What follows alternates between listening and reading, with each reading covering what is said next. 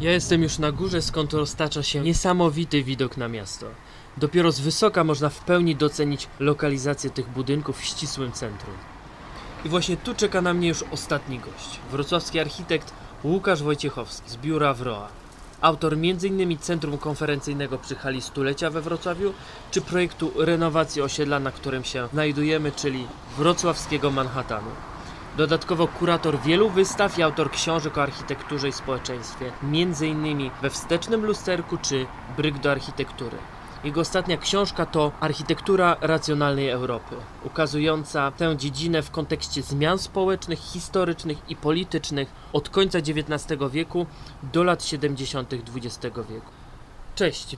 Widok z tego miejsca zapiera dech w piersiach, ale stąd dopiero w pełni widać, jak to osiedle zyskało nową jakość. Dla ciebie to założenie to trochę drugi dom i twoje projektowe dziecko, bo wraz z pracownią WROA byłeś autorem projektu odnowy tego założenia.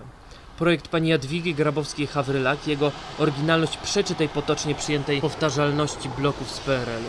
Okazuje się, że w całej Polsce było wiele przykładów takich oryginalnych założeń, które stoją trochę na przekór tej powierzchownej ocenie.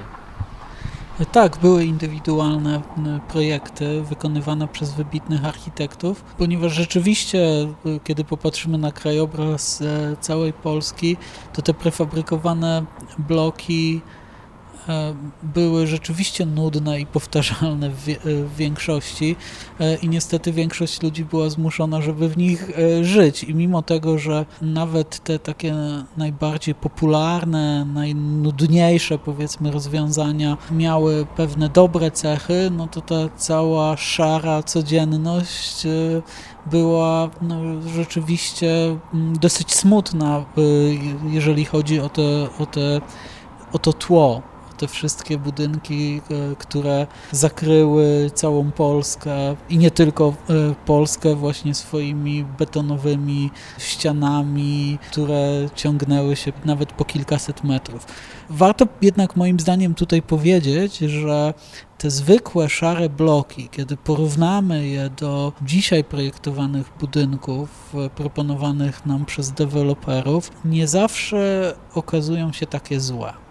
To znaczy, tamta gospodarka jednak zapewniała pewne minimum społeczne, którego trudno dopatrzeć się w wielu, nawet uznawanych za dobre e, przykłady architektury deweloperskiej. Zaczynając od e, rozmieszczenia urbanistycznego, to nawet najwyższe, najbardziej zdehumanizowane e, osiedla, e, które mogę sobie wyobrazić, mają naprawdę niezłe proporcje pomiędzy zabudową a terenami rekreacyjnymi.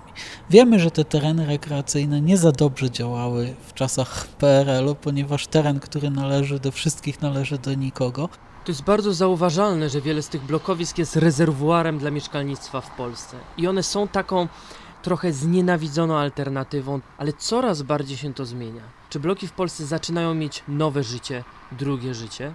Jest jakaś kontynuacja, moim zdaniem e, jednak. e, I tutaj ludzie zauważają, że po prostu całkiem nieźle mieszka się w wielu tych e, blokach, bo mówimy, mówiąc o tych najgorszych korytarzowcach, no to trudno mówić trochę o, przyjemności mieszkania w wieżowcu, nie wiem, 11-kondygnacyjnym, gdzie na kondygnacji jednej jest, nie wiem, 20 e, mieszkań.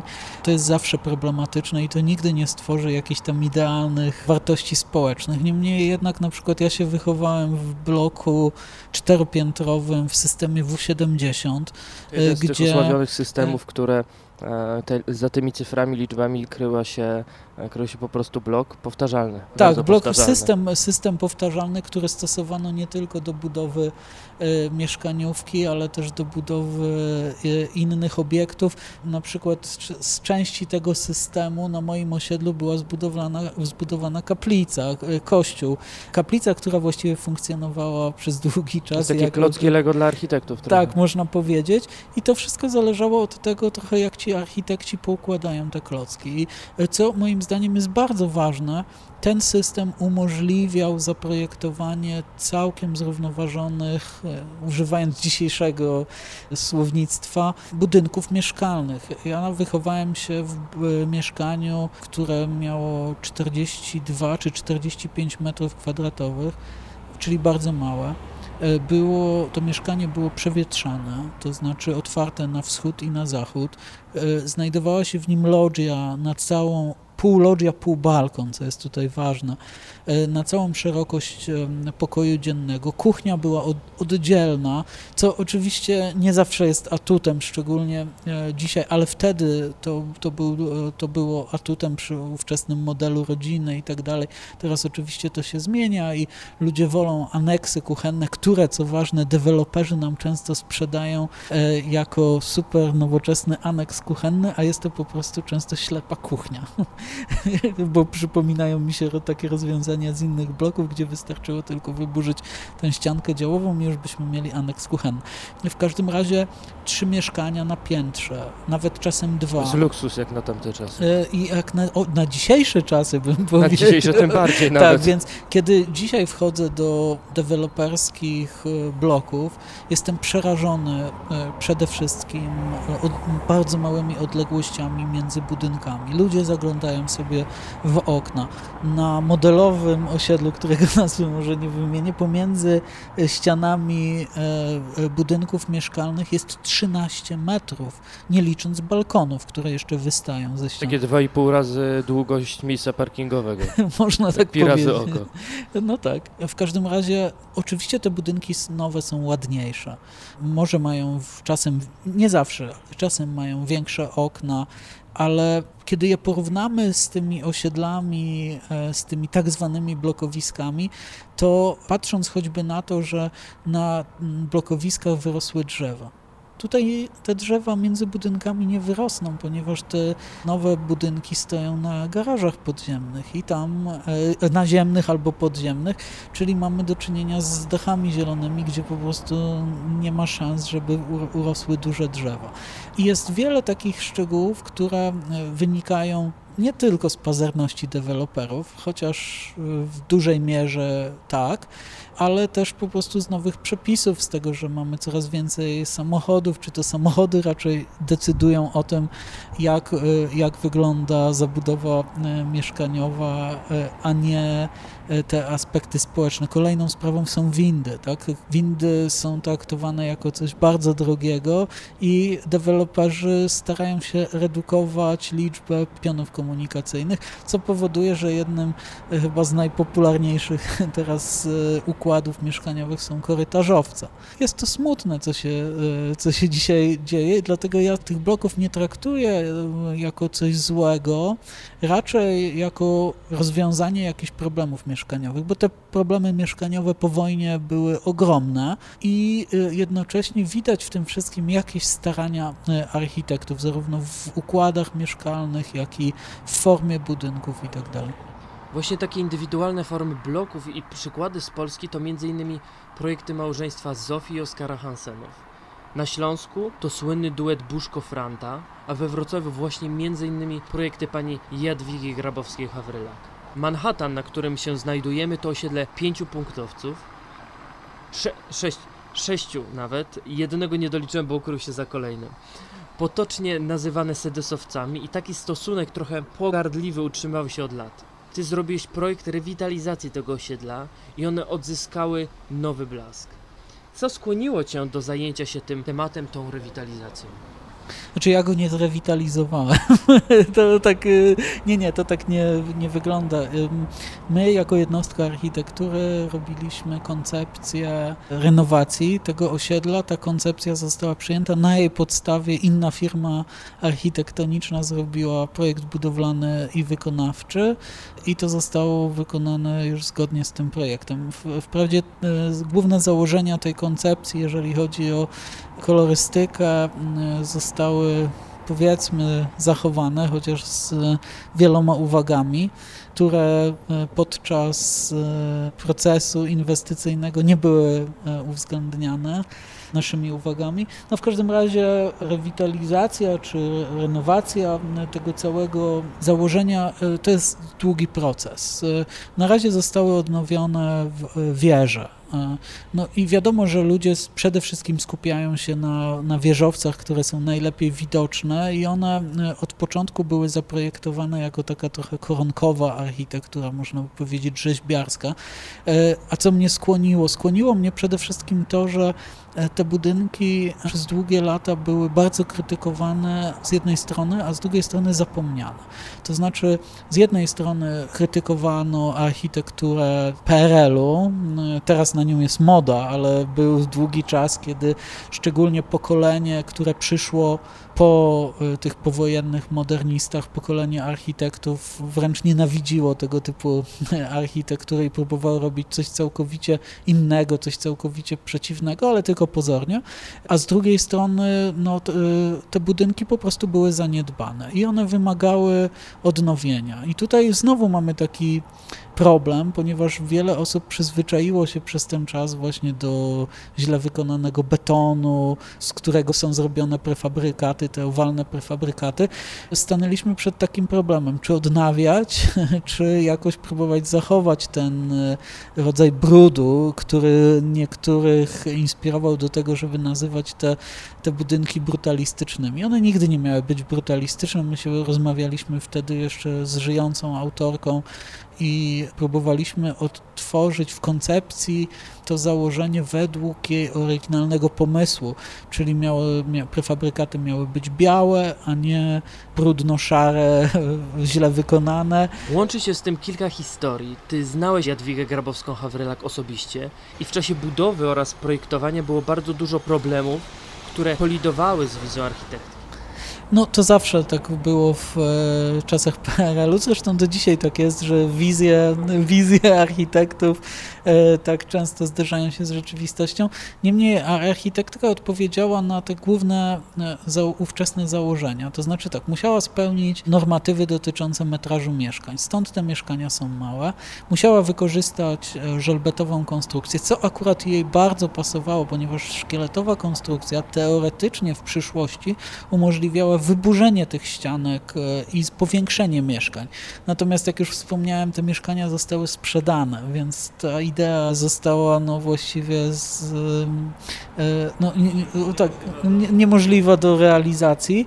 E, ale też użyła prefabrykatów elewacyjnych. Problem, e, czy problem, e, idea tutaj i cały charakter tego osiedla został zbudowany na tym, że te prefabrykaty są indywidualnie zaprojektowane. I to było bardzo ciekawe, ponieważ tutaj nie było odpowiednich narzędzi, żeby je przeliczyć konstrukcyjnie, więc zbudowano model w skali 1 do 2, przeliczono go w laboratoriach Politechniki Wrocławskiej i rzeczywiście to cud, że udało się to zrealizować w tamtych czasach, czyli w latach 70., nawet w takiej formie, w jakiej on był, czyli w takiej, że pani Jadwiga była niezadowolona bardzo z e, tego, jak to wyglądało i starała się, jak kogoś wiozła, to starała się omijać e, plac e, Grunwaldki, żeby przypadkiem nie musieć się tłumaczyć z tego, jak to wygląda. Oczywiście to była nadwrażliwość naszej bohaterki. W, ka w, każdym razie tutaj, co jest ciekawe, te prefabrykaty nie wynikały tylko z wizji architektki. To znaczy, oczywiście chodziło jej o to, że duże budynki powinny mieć jakąś trójwymiarowość y, ściany. Tak? Teraz większość budynków jest takich płaskich. Tak? Trudno jest uzyskać pewną trójwymiarowość. Jej zależało na tym, żeby to nie były takie płaskie bloki, nudne płaskie bloki, a z drugiej strony chodziło o zbudowanie takiego bufora pomiędzy wnętrzem a przestrzenią, która no, była wtedy wyjątkowa, ponieważ były to najwyższe budynki we Wrocławiu, mieszkalne wtedy i rzeczywiście do dzisiaj, kiedy jest się we wnętrzu mieszkań na wyższych piętrach, ten bufor daje takie poczucie bezpieczeństwa. Rozmawiałeś wiele razy z Jadwigą Grabowską-Hawrylak. Jak ona odbierała, odczuwała całą tę sytuację związaną z późniejszymi losami tego osiedla? Przez lata budynki uznawane za enfant terrible wrocławskiej architektury miejsce, do którego raczej było się zmuszonym iść. Nie jak dziś, że jest to miejsce, które chce się odwiedzać, powoli stające się ikoną miasta. To były różne fazy e, w jej akceptacji i nieakceptowaniu tego, e, tego założenia. Przede wszystkim było to wszystko źle wykonane. Jej się to bardzo nie podobało, ponieważ była wrażliwa formalnie. Tutaj jest bardzo ważną rzeczą to, że z jej inicjatywy powstały usługi w parterach tych budynków. Czy Pamiętam, one pierwotnie miały nie nie miało, istnieć. nie, miało ich być i ona dostała zlecenie na zaprojektowanie sześciu wieżowców w trawie. To dzięki jej pomysłowi mamy tam kawałek miasta, to znaczy zostały zbudowane te modularne pawilony e, usługowe. E, jak działają, tak działają, tak? To znaczy ta przestrzeń nie ma najwyższej jakości urbanistycznej obecnie. Na początku miała, ale oczywiście to są lata zaniedbań. Ta platforma uniesiona nad garażem, no to nie jest najlepsze rozwiązanie e, miejskie, ale w tamtym czasie no taka, taka była tendencja. Zakładano, że ten samochód jest najważniejszy. Niemniej patrząc z drugiej strony, ta platforma broni się do dzisiaj. Do dzisiaj ludzie tam chętnie chodzą. No i e, co ważne, teraz powoli pojawiają się tam nowe usługi, nowi najemcy i właściciele, którzy zaczynają zmieniać obraz tego miejsca i rzeczywiście robią z tego bardzo, e, bardzo fajny fragment e, miasta. Natomiast jeżeli chodzi o emocje pani Jadwigi, no to na początku była ta rezygnacja, ponieważ e, zostało to spartolone, tak jak większość budów ambitnych w latach 70., a później już w 80. to w ogóle całkowita zapaść. Potem przyszło, tak jak wspomniałem, to pokolenie postmodernistów, czyli e, architektów, którzy no, skrajnie nieobiektywnie oceniali dorobek modernizmu i późnego modernizmu, więc pani Jadwiga rzeczywiście była krytykowana i kiedy my ją poznaliśmy, kiedy ja pierwszy raz do niej przyszedłem, zdaje się w 2010 roku, czy 12, nie pamiętam dokładnie, ona spytała, po co ja do niej przyszedłem. Przecież ona nic w życiu nie zrobiła. Była już w takim stanie, że cały czas tylko słyszała krytykę i krytykę tego założenia. I oczywiście, ja tu nie jestem jak, jak najdalszy od tego, że nie należy tego krytykować. Krytykujmy, tylko krytyka jest pewnym, dla mnie jest pewnym wyrazem szacunku, to znaczy powinniśmy widzieć i dobre, i złe strony. Teraz zapytam Cię o pozytywy, bo myślę, że dość nieprzemyślaną krytykę można przeczytać w internecie na wszelkich forach pod zdjęciami jeszcze sprzed renowacji. Później już, jak wiem, były w miarę pozytywne. Dla wszystkich tych, którzy odwiedzają to osiedle i są nimi zaciekawieni, czy mógłbyś wskazać najbardziej pozytywne cechy tego założenia? Co w nim jest takiego nietuzinkowego? No przede wszystkim e, jest to ten modularny układ pawilonów usługowych, dwu-jednokondygnacyjnych, który e, pozwala na to, żeby te partery funkcjonowały. E, I ta e, platforma e, oddzielona od ruchu kołowego, który do dzisiaj we Wrocławiu jest jednak gloryfikowany, można powiedzieć. Znaczy obok mamy po prostu sześcio czy pięciopasmową autostradę, jeszcze z tramwajami i autobusami, które akurat tam powinny być. Więc do dzisiaj to wydzielenie się broni. To, że mamy tam usługi, e, to, że pojawiają się tam sklepy spożywcze, sieciowe nawet, które bardzo dobrze e, działają, e, pojawiają się tam knajpki, one przyciągają coraz więcej ludzi. Teraz pojawił się nowy właściciel pierwszego pawilonu od mostu grunwaldzkiego. Tam są animowane różne wydarzenia, wystawy, koncerty, funkcjonuje e, sklep z artykułami z PRL-u. To są takie niesamowicie pozytywne e, działania, które przyciągają, e, przyciągają tam ludzi. Ale co ważne, te osoby, które tym zarządzają, myślą o tym długoterminowo. To znaczy, że to nie ma być na chwilę. To nie jest wydarzenie, które będzie przez 5 minut, zostawimy europalety i bałagan po sobie. Raczej chodzi o to, żeby to miejsce zmienić na mm, dłuższy czas i nawet jeżeli e, tutaj e, pojawiają się jakieś takie bardziej komercyjne e, działania, a nie tylko społeczne, no to oczywiście jest to konieczne, ale wydaje mi się, że w tym miejscu można znaleźć taki e, balans pomiędzy tym komercyjnym a tym społecznym.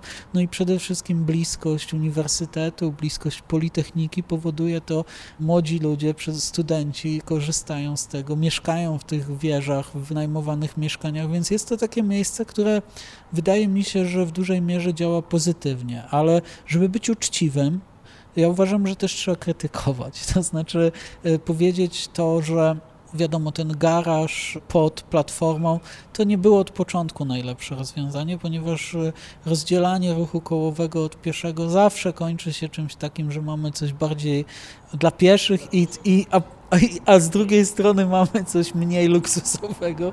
E, te budynki też e, były zaprojektowane, można powiedzieć, z taką dużą e, odwagą, ale też trochę zignorowały otoczenie. To znaczy, kiedy przejdziemy się na przykład ulicą nauczycielską, z tyłu założenia. I tu też jest problem, że to założenie dzisiaj ma przód i tył. Kiedyś tak się projektowało, że budynki miały przód i... A z tyłu mamy na przykład dostawy, tak, dokładnie. Mamy dostawy, mamy śmietniki, Wtedy tak się projektowało trochę. Wydaje mi się, że tutaj dosyć prostymi środkami, my to przedstawiliśmy w koncepcji, jakąś tam propozycję, wydaje mi się, że nawet uzasadnioną komercyjnie, e, żeby ożywić e, parter tego założenia na poziomie właśnie ulicy, trochę wykorzystując oryginalne założenia architekcji, czyli modularność tego zespołu. On jest modularny.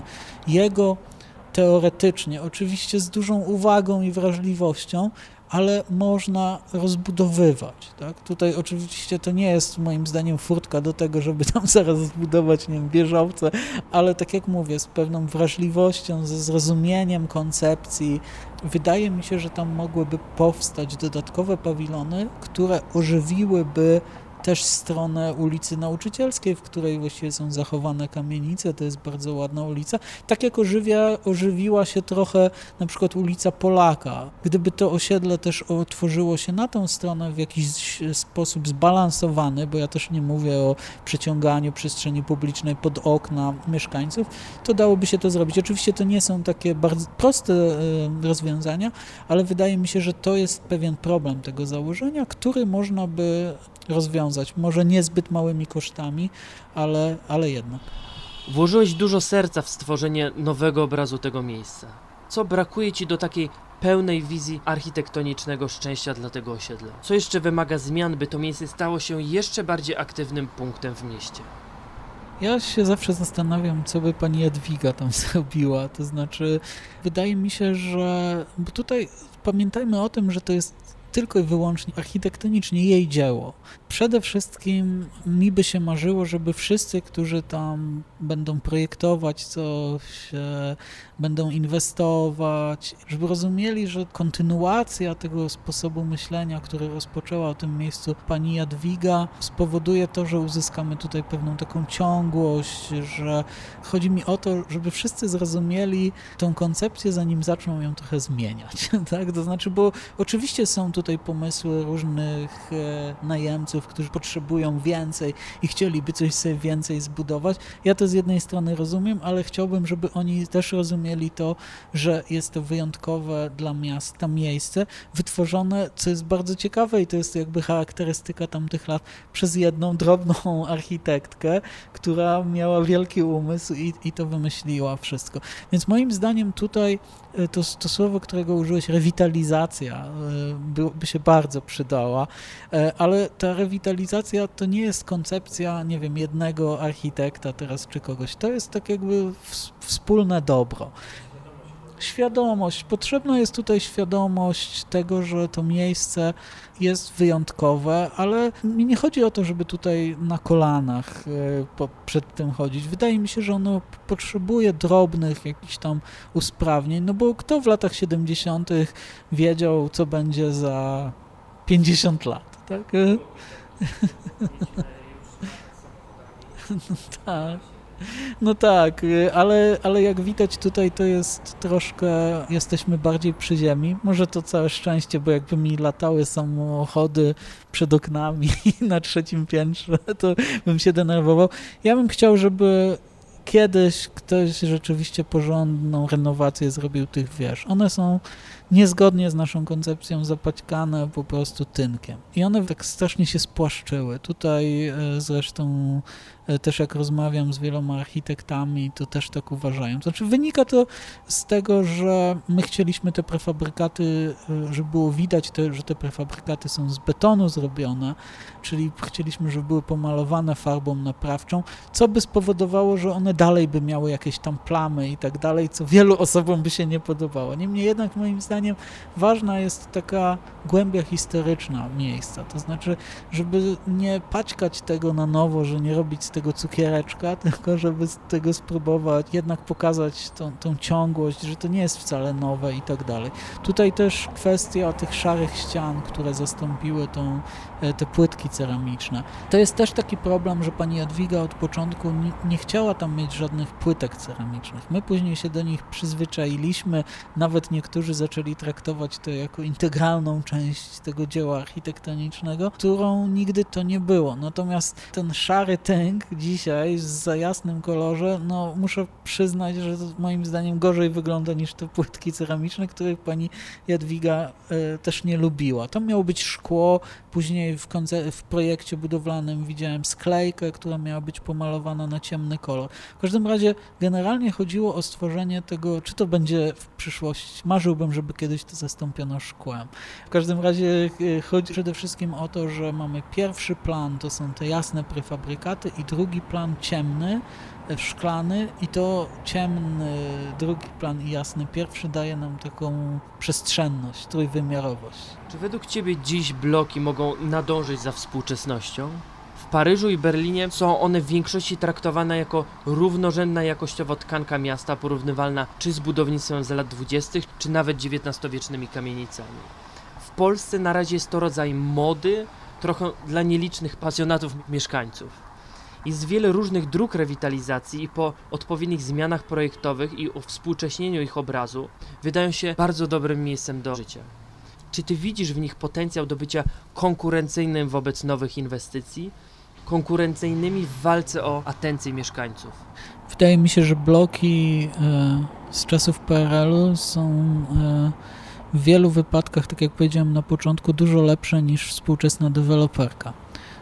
Ze względu choćby na lokalizację, na zieleń i tak dalej. I tu muszę ci przerwać, bo ja cały czas widzę wśród osób, z którymi rozmawiam, że jest wizja deweloperskiego apartamentu z ładnymi, powiedzmy, brązowymi drzwiami, nową farbą. Trochę jest to fasada i ukrywa dużo różnych błędów, ale najważniejszą cechą, że ta fasada cieszy oko i przyciąga ludzi.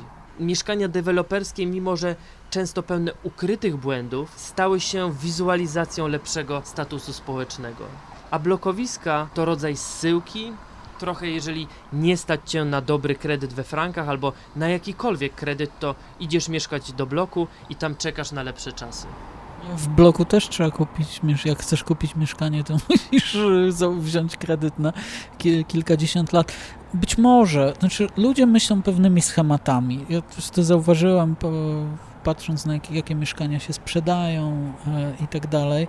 E, jednak ludzie kupują to, co wydaje im się, że rozumieją najczęściej. Patrzą na ten rzut e, od dewelopera, wyobrażają tam siebie, nie myślą ponad to. To znaczy, ludziom łatwo sprzedać kit.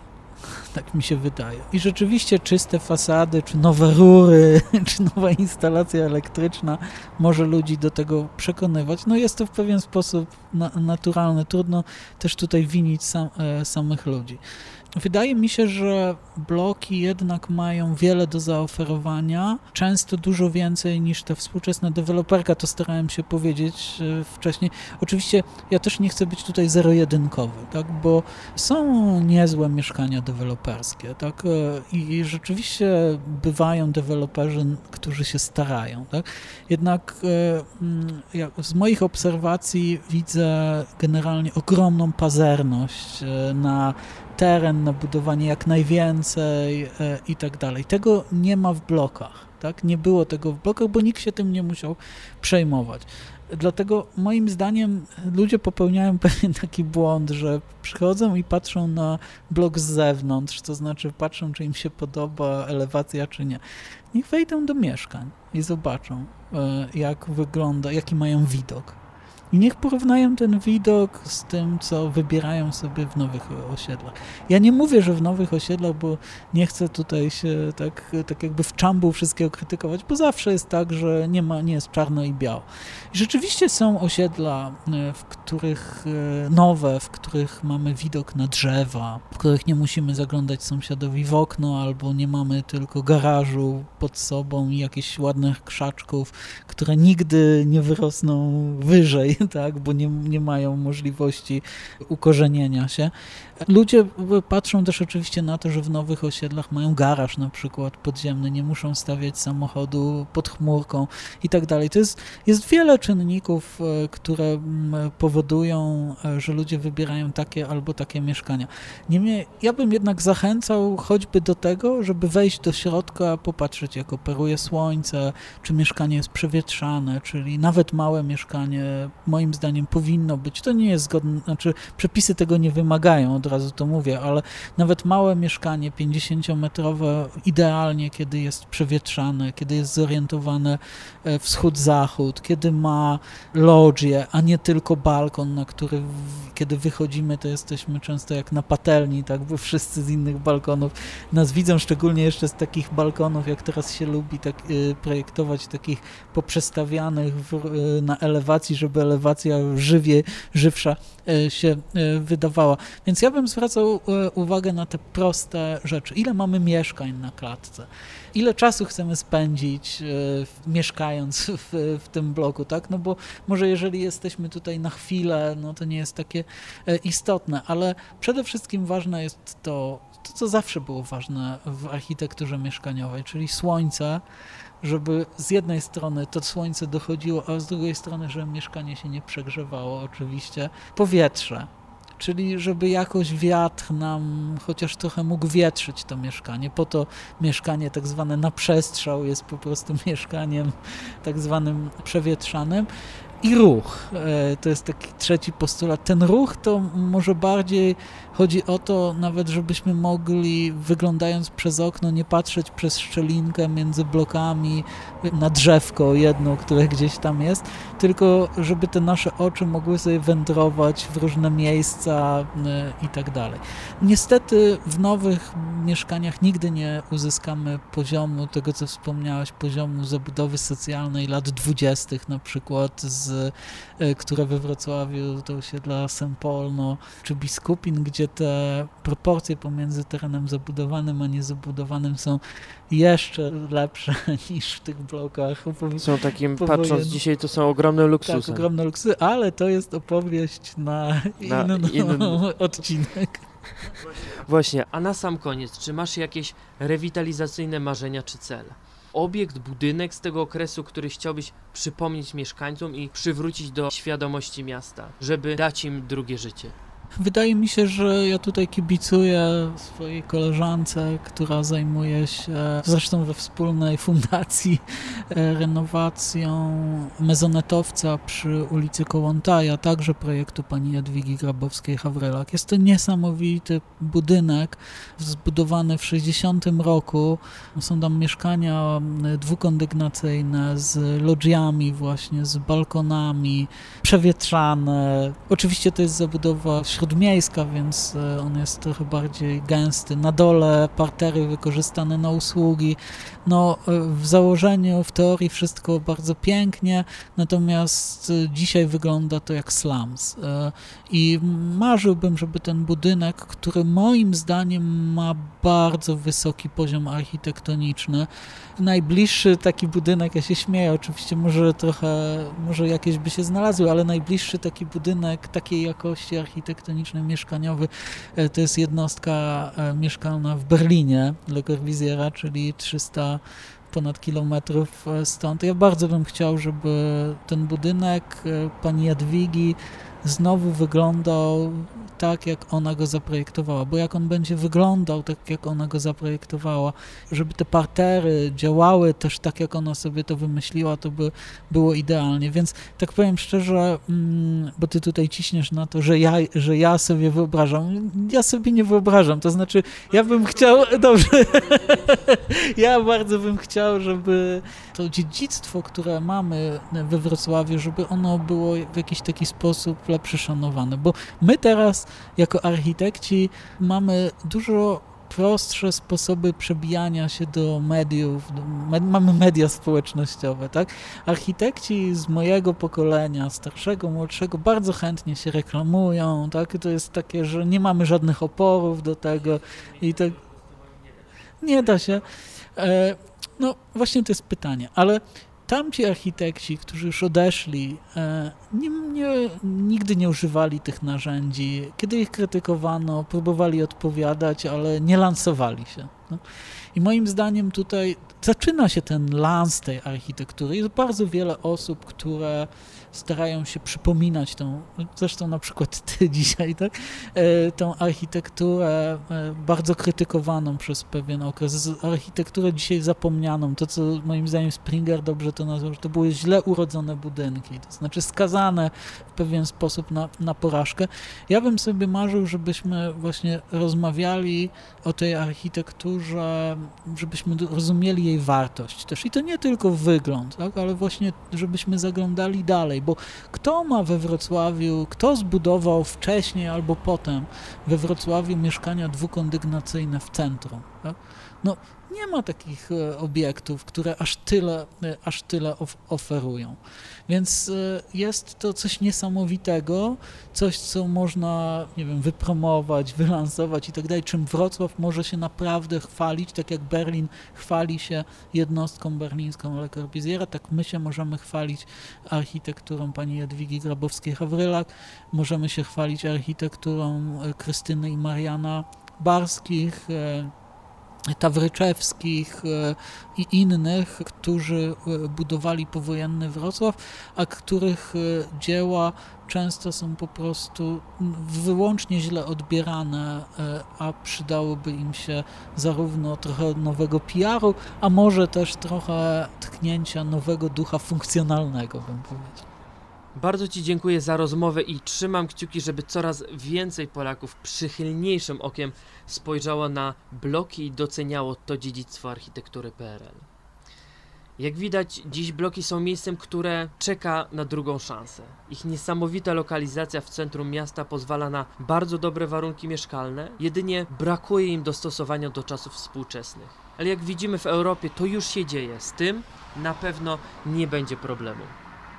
Wydaje mi się, że teraz musimy zobaczyć w nich ten ukryty potencjał i przekonać siebie nawzajem, że bloki mogą być konkurencyjnym, a nawet bardziej ludzkim miejscem do życia niż niektóre nowe, peryferyjne założenia deweloperskie.